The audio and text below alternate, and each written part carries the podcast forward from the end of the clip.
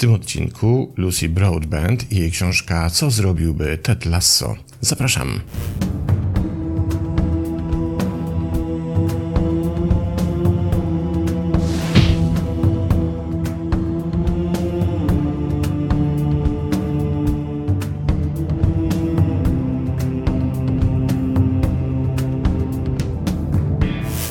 Przyjrzałem się tematycznej liście odcinków niewidzialnych książek i ze zdumieniem stwierdziłem, że przeważają na niej tematy, delikatnie mówiąc, przyciężkawe, czyli takie, które no, trudno omijać z racji tego, że są dyskomfortowe i trzeba się nad nimi pochylać, ale mogą nie napawać nas zbyt dobrym nastrojem. I pomyślałem sobie, że fajnie by było przynajmniej raz na jakiś czas sięgnąć do czegoś z drugiej strony tej skali, czyli do czegoś, co pozostawi w nas, mam nadzieję, dobry humor. I nadarza się fantastyczna okazja, bo oto świat zwariował na punkcie pewnego serialu. I z serialami i z filmami jest trochę tak, że kiedy powstają, to jeszcze nie wiemy, czy one są kultowe, one zostają kultowe dopiero po latach. I kiedy już stają się kultowe, to wychodzą interpretacje, dzieła, rozprawy doktorskie, jak było na przykład w kontekście filmu Matrix, czy też całe opracowania filozoficzne, jak to miało miejsce po kilku latach od premiery filmu Big Lebowski, gdzie się rozkminia cytaty kolesia i wskazuje, z których filozofii one pochodzą i co oznaczają. Ale te filmy i te seriale stały się kultowe dopiero po latach od swoich premier. Tymczasem mamy oto do czynienia z serialem, który stał się kultowy natychmiast jak się pojawił.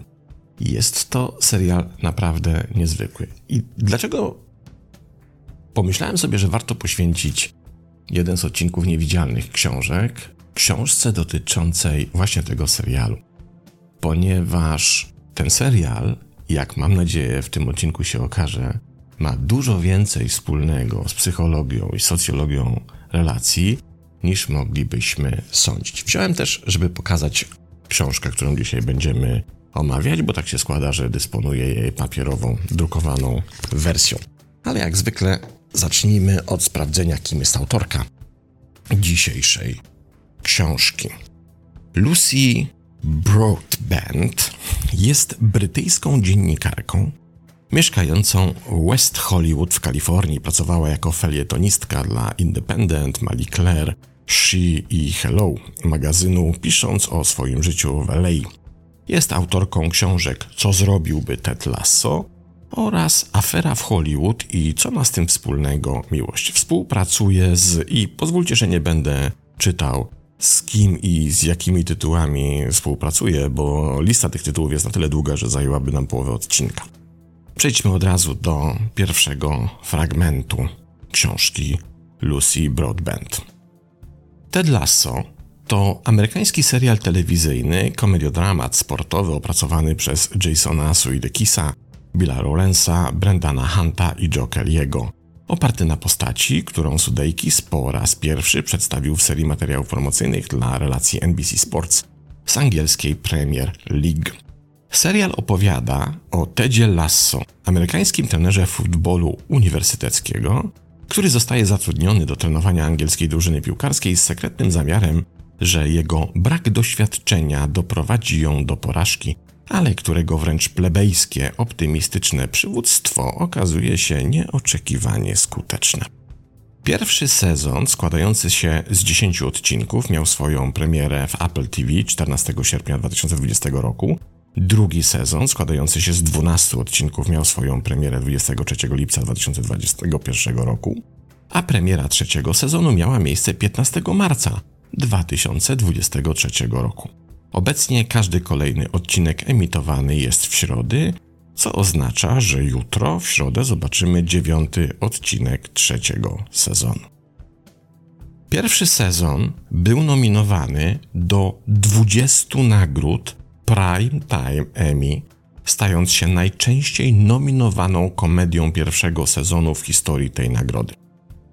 Sudeikis, Waddingham i Goldstein to są aktorzy występujący w tym serialu, bo Sudeikis, pomysłodawca, również jest główną postacią, odtwarza rolę głównej postaci. Wygrali również nagrody za swoje występy, a serial zdobył nagrodę Primetime Emmy 2021 dla najlepszego serialu komediowego. Sudeikis zdobył także Złoty Glob dla najlepszego aktora w muzykalu lub komedii w serialu telewizyjnym oraz nagrodę Screen Actors Guild Award za wybitną kreację aktora w serialu komediowym. Serial wygrał w kategoriach dla najlepszego nowego programu, wybitnego osiągnięcia w komedii i programu roku na 37. TCA Awards, a także zdobył nagrodę dla najlepszego serialu komediowego i nowego serialu na Writers Guild of America Awards. Drugi sezon otrzymał 20 nominacji na 74. ceremonii rozdania nagród Primetime Emmy. Zdobył cztery nagrody, w tym dla najlepszego serialu komediowego i tak dalej, i tak dalej. Tutaj wymienić te wszystkie nagrody, które dostał ten serial, po prostu nie sposób. Po debiucie trzeciego sezonu, więc przejdźmy od razu do końcówki tego opisu, obsada Teda Lasso została zaproszona przez prezydenta USA Joe Bidena i pierwszą damę Jill Biden do Białego Domu, aby promować, i teraz uwaga, modę na zdrowie psychiczne i dobre samopoczucie. Temat, który pojawiał się w fabułach drugiego i trzeciego sezonu serialu. I posłuchajmy, co pisze autorka. Ted Lasso jest sympatycznym amerykańskim trenerem granym przez Jasona Sudeikisa, który przybywa do Wielkiej Brytanii, aby odwrócić losy fikcyjnej drużyny piłkarskiej Premier League. Nie musisz rozumieć, ani nawet lubić piłki nożnej, aby cieszyć się tym serialem. Ted też nie rozumie zasad. Cholera, można by wypełnić dwa internety tym, czego nie wiem o piłce nożnej, mówi wszystkim po przybyciu do AFC Richmond. Od pierwszego odcinka, kiedy Ted przykleja krzywą tabliczkę z napisem Uwierz na ścianie szatni w Richmond i wydaje się, że zabiera nas w podróż na terytorium samopomocy. Niektóre z jego lekcji są tak oczywiste, jak ten znak na ścianie, ale wiele z nich jest bardziej ukrytych. Podprogowo podkradają się do nas w pozornie realnych i trudnych sytuacjach, w których Ted zamienia negatywy w pozytywy przeciwności losu w akceptację, samolubne zachowanie w zachowanie samoświadome. Zapewnia, że rozumiemy, że to sposób, w jaki reagujemy na trudne sytuacje, decyduje o tym, czy wyjdziemy z nich uśmiechnięci, czy też nie. To, co sprawia, że serial jest tak wpływowy, oprócz przezabawnego scenariusza, wspaniałego aktorstwa i nieoczekiwanych zwrotów akcji, to fakt, że są to pomysły z podręczników psychologii, z których wiele pochodzi z tego, co zaczęto nazywać ruchem psychologii pozytywnej. I tu dochodzimy do clue. A mianowicie, jak pewnie wiecie, ja o tym też wspominałem i to niejednokrotnie, że ten cały ruch związany z psychologią pozytywną zaczął ostatnimi laty doświadczać dość ciężkich chwil, by powiedzieć dość delikatnie. Bo sam ruch w sobie i sama psychologia pozytywna nie jest niczym złym. Ona zawiera wiele cennych drogowskazów, wiele cennych idei i sama w sobie jest genialnym przesłaniem. Tylko problem z psychologią pozytywną polega na tym, że uczepili się jej internetowi guru i wyznawcy. I ci ludzie, wykrzykując do tych internetowych kamer, których oglądamy przez ekrany naszych komputerów, smartfonów czy telewizorów, oni podpinają się pod psychologię pozytywną, dramatycznie zniekształcając jej fundament, jej przesłanie. Gdybyśmy mieli ocenić ten rodzaj psychologii na podstawie tego, co ci ludzie krzyczą przez internet do nas, to pomyślelibyśmy sobie, że cała rzecz polega na tym, żeby się zawsze uśmiechać. Dodajmy głupkowato. Nieważne, co się dzieje w Twoim życiu, nieważne, że samochód przejechał ci kota, nieważne, że właśnie przyszła z przychodni lekarskiej czy ze szpitala kartka, na której jest napisane, że masz raka. Musisz się uśmiechać, bo inaczej nie jesteś wystarczająco pozytywny. Co więcej, ci ludzie robią nam wodę z mózgu, mówiąc, że jeśli nam się nie powodzi w życiu, jeśli napotykamy w życiu jakieś przeszkody czy jakieś przeciwności losu, to wszystko jest wina tego, że jesteśmy negatywnie nastawieni. Bo gdybyśmy byli pozytywnie nastawieni, to ten samochód nie przejechałby naszego psa czy kota. Jeśli bylibyśmy pozytywnie nastawieni, to nie mielibyśmy tego raka. Jeśli bylibyśmy pozytywnie nastawieni, to wiecie, wszystko by się układało jak łąka z fiołków. Pachniałoby cudownie, ludzie by byli szczęśliwi, a my opływalibyśmy nieustannie w luksus. I ci ludzie doprowadzili do sytuacji, w której dużo więcej artykułów, na przykład w moim ulubionym Psychology Today, dotyczyło nie tyle psychologii pozytywnej, ile toksycznej pozytywności. Bo nagle się okazało, że to wymuszanie uśmiechu na siłę, wymuszanie robienia dobrej miny do złej gry, takie wtłaczanie nam tego, że zawsze musimy być pozytywnie nastawieni, przynosi więcej szkody niż pożytku. Potrafi być rujnujące dla naszej psychiki. I co więcej, ten ich internetowy krzyk sprawił, że jak dzisiaj słyszymy, i myślę, że kilkoro z Was na pewno tego doświadczyło, kiedy w tym odcinku pojawiły się pierwszy raz słowa psychologia pozytywna. Więc kiedy słyszymy ten zbitek słów psychologia pozytywna, to mówimy o matko, tylko nie to. Wszystko, tylko nie te pierdololo o uśmiechaniu się w każdej sytuacji, niezależnie od kontekstu, środowiska i tego, czego doświadczamy. I o mały włos, ta naprawdę całkiem fajna psychologia pozytywna, która niesie ze sobą dużo ciekawych i wartościowych rzeczy, zostałaby zamieciona pod dywan, zostałaby zepchnięta z firmamentu publicznego, przez to właśnie, że mamy już dosyć tego pokrzykiwania i tego szturchania. Uśmiechaj się, uśmiechaj się, musisz być wiecznie uśmiechnięty.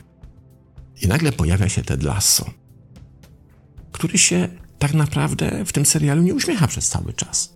W większości sytuacji w tym serialu Ted Lasso wcale nie jest uśmiechnięty. On jest smutny, chodzi na terapię, bywa przygnębiony, ma swoje problemy, czasem z alkoholem, czasem z czymś tam i tak dalej ale on pokazuje, że możemy wyjąć z psychologii pozytywnej coś zupełnie innego niż durnowaty, beznadziejny uśmiech.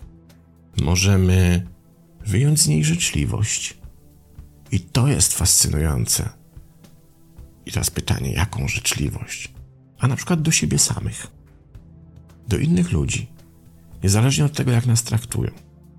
I to nie chodzi o to, że jesteśmy wioskowym głupkiem, który się z wszystkiego cieszy i którego wszyscy popychają, przestawiają, a on nic tylko przeprasza. Nie o taką postawę chodzi. Chodzi o postawę głębokiego, racjonalnego wglądu w siebie samego i mówienie sobie: Wszystko to, co mnie spotyka złe, może być dla mnie jakimś rodzajem nauki. Nie zamierzam o tym zapominać, nie zamierzam tego przekreślać i uznawać, że te rzeczy wszystkie się nie wydarzyły.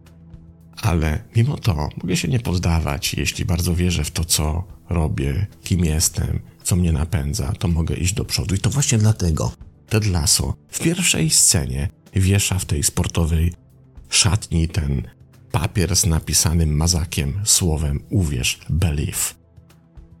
I to nie jest takie belief, jak myślimy, jak nas nauczono właśnie w tych internetach. Uwierz, że możesz wszystko, Uwierz, że możesz wejść w szpilkach na Giewont, że tam możesz wszystko osiągnąć, co sobie tylko zapragniesz. Nie.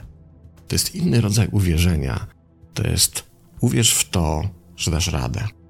Mimo tych wszystkich przeciwności i mimo tego, że większość ludzi, tak jak Teda Lasso w tym serialu, większość mieszkańców Richmond go po prostu nie znosi. A mimo to on jest tam w stanie egzystować. Przeczytajmy kolejny fragment naszej autorki. Ale optymizm i pozytywne nastawienie to nie jedyne sztuczki Teda. Jest uprzejmy i pełen szacunku, zawsze pamięta nazwiska innych ludzi, zawsze znajduje czas dla ludzi, których czasami się pomija, taksówkarzy, ulicznych grajków czy sprzątacza szatni. Zagranie kogoś, kto byłby życzliwy, kto by nie przeklinał, był jak teflon wobec negatywnego nastawienia ludzi do siebie nawzajem lub wszechobecnego sarkazmu, było w stu procentach zamierzone, mówi Jason Sudeikis w wywiadach. Hojność jest całkowicie częścią tego, kim jest Ted. Jego głównym przekonaniem jest to, że wszyscy ludzie są godni, nawet ci, którzy chcą mu podstawić nogę. Wiesz, co robisz z twardym ciasteczkiem? mówi Ted swojej szefowej Rebece. maczasz w mleku. Jest połowa i AFC Richmond remisuje. W szatni panuje napięcie. Chłopcy są zdenerwowani, ponieważ trener Ted Lasso zdjął z boiska najlepszego zawodnika drużyny, Jamie'ego Tarta, granego przez Phila Dunstera, i nie rozumieją, dlaczego miałby to zrobić. Ted nie wyjaśnia. Zamiast tego wygłasza przemówienie równie zręczne jak każdy polityk i podskakuje, by uderzyć w tabliczkę, którą przykleił na ścianie szatni, mówiąc uwierz. Przesłanie jest tak samo jasne dla zespołu, jak i dla nas, ale to nie koniec, bo przecież widzimy, jak wiara w siebie Teda rozprzestrzenia się na innych. Pod koniec pierwszej serii zjednoczył zespół, w którym kiedyś dominowała rywalizacja i wygrał wszystkie rundy, w tym rundę ze swoją szefową Rebeką, graną przez Hannah Weddingham. Również ona pod koniec traci swój cynizm. Nie jest już gorzka i sarkastyczna. Kiedy drużyna nie wygrywa meczu finałowego, mówi Tedowi: Każda wada ma swoją zaletę. I widzimy, jak magia Teda zadziałała również na nią. To wszystko jest częścią uroku tego serialu i jest to wyjątkowy urok, ponieważ cała ta opowieść po prostu zadaje pytanie, jak daleko belief może zaprowadzić kogokolwiek z nas. I warto się nad tym przez chwilkę pochylić, żebyśmy mieli pełną jasność, cóż oznacza to lasowskie, jeśli tak możemy powiedzieć, belief.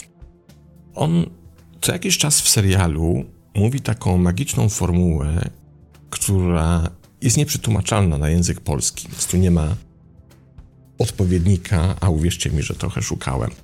Chyba, że znacie, to bardzo proszę umieśćcie w komentarzach. To fraza onward forward, oznaczająca takie podejście do życia, w którym akceptujesz, że coś się wydarzyło. Głównie chodzi oczywiście o rzeczy, które nie są dla ciebie komfortowe, nie są dla ciebie przyjemne, coś negatywnego. I nie tyle przechodzisz nad tym do porządku dziennego, by pójść do przodu, ale bierzesz z tego wszystko to, co jest ci potrzebne do zrozumienia tej sytuacji, do zrozumienia siebie, wyciągasz z tego lekcje.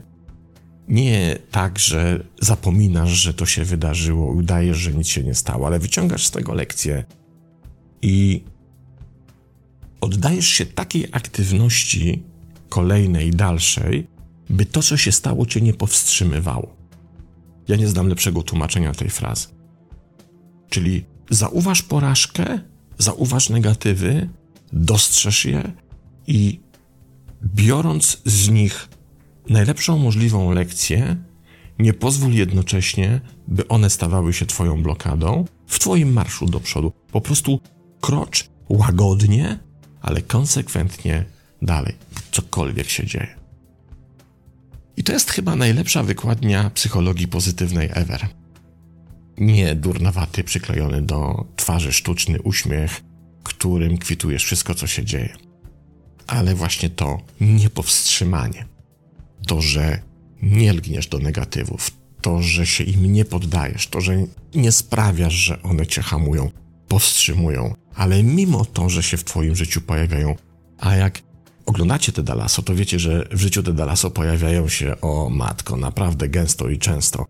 To mimo to jesteś w stanie wykrzesać z siebie odpowiednią dozę wiary, że warto iść do przodu, cokolwiek się dzieje. Cudowne przesłanie. Przesłanie dotyczące nie sięgania po gwiazdki z nieba, ale przesłanie dotyczące tego, jak można iść przez życie w zgodzie z sobą, często nawet pod wiatr. Cudowna rzecz i niezwykle potrzebna w dzisiejszych czasach. I być może to jest powód, dla którego ten serial podbija serca tak wielu widzów na całym świecie. Że właśnie czegoś takiego potrzebujemy. Nie przylepionego uśmiechu, nie wymuszonych, roześmianych oczu, ale takiego niepoddawania się mimo tego wszystkiego, co się koło nas dzieje. A przecież się nie dzieje fajnie, prawda? Gdziekolwiek się nie rozejrzymy, to z każdej strony jest jakiś problem, jest jakieś coś niefajnego, jest jakiś dyskomfort. A mimo to warto się nie poddawać. i po prostu robić swoje. Przeczytajmy kolejny fragment. Pisze autorka tak.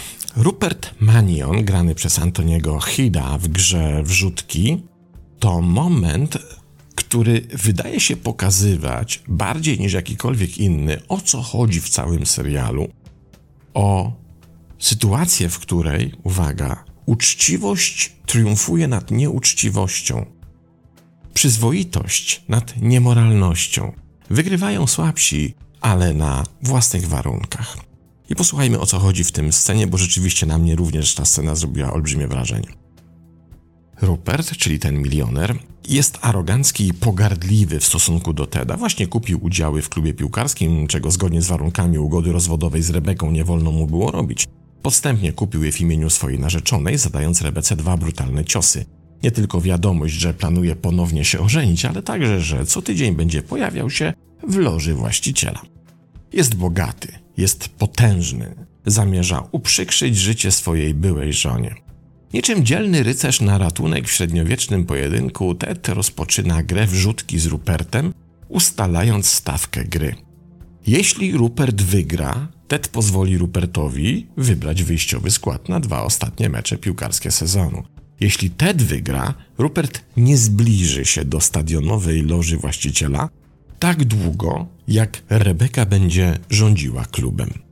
Jesteś pewien, że wiesz co robisz, Ted? Chcemy krzyczeć do ekranu naszych telewizorów, kiedy Rupert wyjmuje profesjonalne rzutki z kieszeni. Zbiera się tłum, suspens narasta, zwłaszcza gdy na pierwszy rzut oka wydaje się, że Ted nawet nie wie jak się gra. Jak na prostą grę wrzutki jest to uderzająco przekonujące. Wreszcie Ted, żeby pokonać Ruperta, potrzebuje dwóch potrójnych dwudziestek i dziesiątki, aby wygrać, co wydaje się mało prawdopodobne. Ale wtedy Ted rozpoczyna monolog tak przenikliwy, jak wszystko, co kiedykolwiek napisał Szekspir. Ted mówi: Chłopaki nie doceniali mnie przez całe moje życie. I przez lata nigdy nie rozumiałem dlaczego. Mówi rzeczowo, gdy celuje. Kiedyś mi to przeszkadzało, ale pewnego dnia, gdy wiozłem mojego synka do szkoły, zobaczyłem na ścianie cytat Walta Whitmana: Bądź ciekawy, nie osądzaj. Lubię to. Wtedy Ted trafia swoją pierwszą dwudziestkę i zdajemy sobie sprawę, że mimo wszystko wie, jak grać w rzutki. Teraz napięcie naprawdę rośnie, ale Ted jest spokojny, fajny jak nieprawdopodobny superbohater, jakim jest. Kontynuuje swój monolog, wyjaśniając, że w tym momencie miał objawienie. Ted mówi: Wszyscy faceci, którzy mnie poniżali, nie byli ciekawi. Zerka na tarczę. Myśleli, że wszystko sobie wyjaśnili, więc osądzili wszystko i wszystkich, a ja zdałem sobie sprawę, że ich niedocenienie mnie, tego kim jestem, nie miało z tym nic wspólnego. Dobija wtedy swoją drugą dwudziestkę, a my, widzowie, w napięciu pochylamy się jeszcze bliżej. Bo gdyby byli ciekawi, kontynuuje Ted, zadawaliby pytania. Pytania typu: Czy dużo grałeś w rzutki, Ted? Na które odpowiedziałbym: Tak, proszę pana. Każde niedzielne popołudnie w barze sportowym z moim tatą w wieku od 10 do 16 lat, kiedy zmarł. Ted trafia wtedy w dziesiątkę i wygrywa z Rupertem, udzielając wspaniałej życiowej lekcji nie tylko Rupertowi, ale nam wszystkim, że ciekawość może uczynić nas lepszymi jednostkami. Bądź ciekawy, nie oceniaj. Zobacz, jaka cudowna lekcja, którą temu cynicznemu milionerowi udziela Ted Lasso. Mówi wprost: Gdybyś zamiast mnie oceniać w domyśle jako głupka, jako kogoś bez wartości, był ciekawy, to zadałbyś mi pytanie, Ted, czy potrafisz grać w rzutki? A ja bym ci odpowiedział, tak, potrafię grać. Grałem z moim ojcem przez ileś lat, przez połowę mojego dzieciństwa. Ale ty zamiast być ciekawy mnie jako innej osoby, od razu mnie oceniłeś i od razu uznałeś, że jestem fają, która nie potrafi grać w rzutki. Dlatego właśnie, Rupercie, przegrałeś, bo oceniłeś zamiast być ciekawy. Przefantastyczna lekcja, która mówi, jak często posługujemy się w stosunku do innych osób takim pobieżnym ocenianiem. Od razu wiemy, z kim mamy do czynienia. Od razu kogoś szufladkujemy, etykietujemy, mówimy ten jest taki, ta jest taka. Po tym się możemy spodziewać tego, po tej się możemy spodziewać tego. A mówi, a gdybyśmy tak, zanim jeszcze ocenimy, włączyli ociupinkę ciekawości i zaciekawili się tymi ludźmi, zanim wydamy osąd, zanim przykleimy im na czoło etykiety, to być może dowiedzielibyśmy się rzeczy, które by bardzo poważnie zmieniły nasze przyszłe zachowania. Moglibyśmy mniej przegrywać w życiu, moglibyśmy się mniej kompromitować, moglibyśmy popełniać mniej błędów, moglibyśmy być mniej wredni dla innych ludzi. A wystarczy ciekawość. To tak niewiele, tak niewiele trzeba. Wystarczy odrobina ciekawości. I to dokładnie jest przesłanie psychologii pozytywnej. Bądź ciekawy, zapytaj zamiast oceniać. I nie zakładaj z góry, że wygrasz, bo możesz się zdziwić. Żyjemy w kulturze porównań, pisze autorka, w której istnieje poważna presja, szczególnie na nastolatków i młodych dorosłych, aby prezentowali się jako doskonali.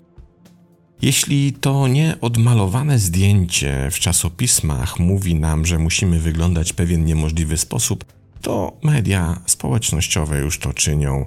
Mówią, jak powinniśmy żyć naszym idealnym, szczęśliwym życiem, zbierając polubienia, przyjaciół lub obserwujących. Jeśli nie osiągamy polubień, łatwo pomyśleć, że musimy być niewystarczający czy gorsi. Jeśli nie wyglądamy jak modelka w rozmiarze 0 aerografu, nie możemy być atrakcyjni. Jeśli nie imprezujemy w klubie ani nie spędzamy wakacji na tropikalnej wyspie, nasze życie musi być bezwartościowe. W zaawansowanej technologicznie hipercyfrowej epoce, wypełnionej nierealistycznymi oczekiwaniami i presją, by dostosować się w mediach społecznościowych, łatwo jest wątpić w siebie i bardzo trudno jest być po prostu sobą. To wyjaśnia, dlaczego według psychologów rośnie liczba depresji i lęków wśród nastolatków i młodych dorosłych.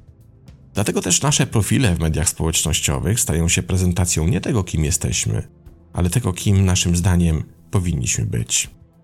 Ujawnienie naszego prawdziwego ja może wydawać się ogromnym ryzykiem teraz, gdy żyjemy w świecie, w którym wszyscy prezentują się w internecie jako doskonali, atrakcyjni szczęśliwi, wyjaśnia dr Chicky Davis, psycholog.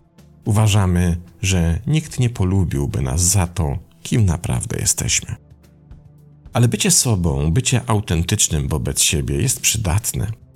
Jeśli chcemy znaleźć życiowe zadowolenie, w 2014 roku Louisiana Tech University przeprowadził badanie, w którym zmierzył korelację między satysfakcją życia a poczuciem autentyczności, wykazując, że jeśli potrafisz być autentyczny, na przykład zachowując się zgodnie ze swoimi prawdziwymi myślami, przekonaniami, osobowością i wartościami, to jest to najlepsza droga do szczęśliwego życia.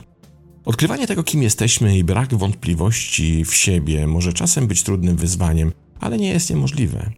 Kluczem jest unikanie wymuszonych zachowań, takich jak podobanie się ludziom i bycie rozdartym, próbując spełnić oczekiwania innych ludzi. Spędzamy tak dużo czasu na zadowalaniu innych, że zatracamy siebie, mówi z kolei inny psycholog, dr Steven Joseph. Ale prawda jest taka, że wielu z nas jest o wiele potężniejszych niż ośmielamy się przyznać. I to jest jeden z powodów, dla których ten serial odniósł taki sukces. Drugim było to, że pokazano nam postacie posiadające te same ludzkie wady, które widzimy w sobie. Widzieliśmy ich traumy, lęki i słabości wplecione w bieg wydarzeń, ale widzieliśmy także rozwiązania w pozytywności i życzliwości Teda. Widzieliśmy, jak spływające pozytywne nastawienie i życzliwość mogą coś zmienić, nawet po wyłączeniu telewizora, nawet jeśli Ted jest postacią fikcyjną. Co zrobiłby Ted Lasso? Szukałby dobra w innej osobie, pamiętałby jej imię, a ona rozpraszałaby go długą, nieistotną historią. On zaś dawałby z siebie wszystko, byłby pełen nadziei i optymizmu, rozdawałby małych zielonych żołnierzy, byłby wyrozumiały, a przede wszystkim byłby miły i życzliwy.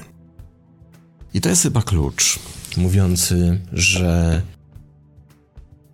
ten serial być może nie jest jakimś super wybitnym, nie wiem, Oscarowym dziełem, czy też ambitnym, ale on pokazał, że wciąż jeszcze, jako ludzkość, możemy odnaleźć wartość w życzliwości. I pozwolę sobie na małe wspomnienie z przeszłości i małą dygresję. Otóż pamiętam kiedyś takiego znajomego, chyba z 30, jak nie więcej lat temu, którego strasznie wówczas fascynował pewien serial, który wtedy święcił triumfy telewizji. To byli przyjaciele. I ja pamiętam moją dyskusję z tym znajomym, kiedy mi się ten serial niespecjalnie podobał. I mówiłem, że jakoś, jakoś mnie nie przekonuje. To były lata 90. A on się upierał, że to jest absolutnie genialny serial.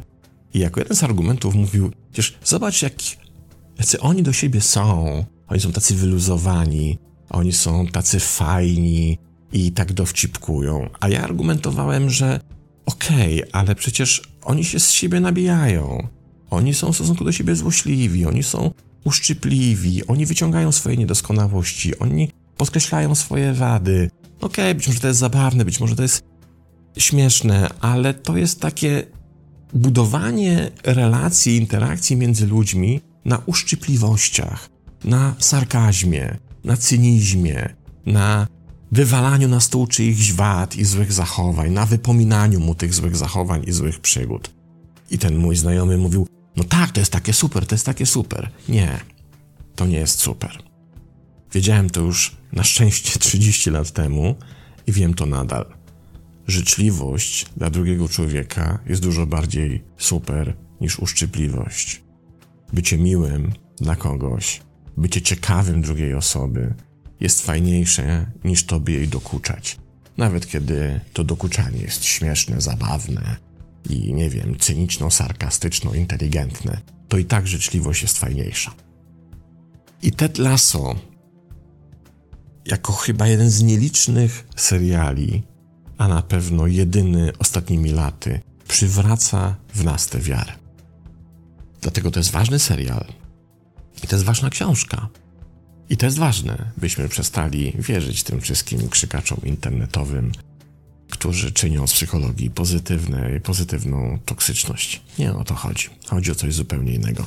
Jak macie taką możliwość, wiem, że to jest utrudnione, bo tylko jedna platforma streamingowa prezentuje ten serial, ale jeśli macie taką możliwość, to koniecznie zobaczcie ten serial i przyjrzyjcie się tej psychologii, która tam w środku jest zawarta. To tyle. Pozdrawiam i do następnego razu.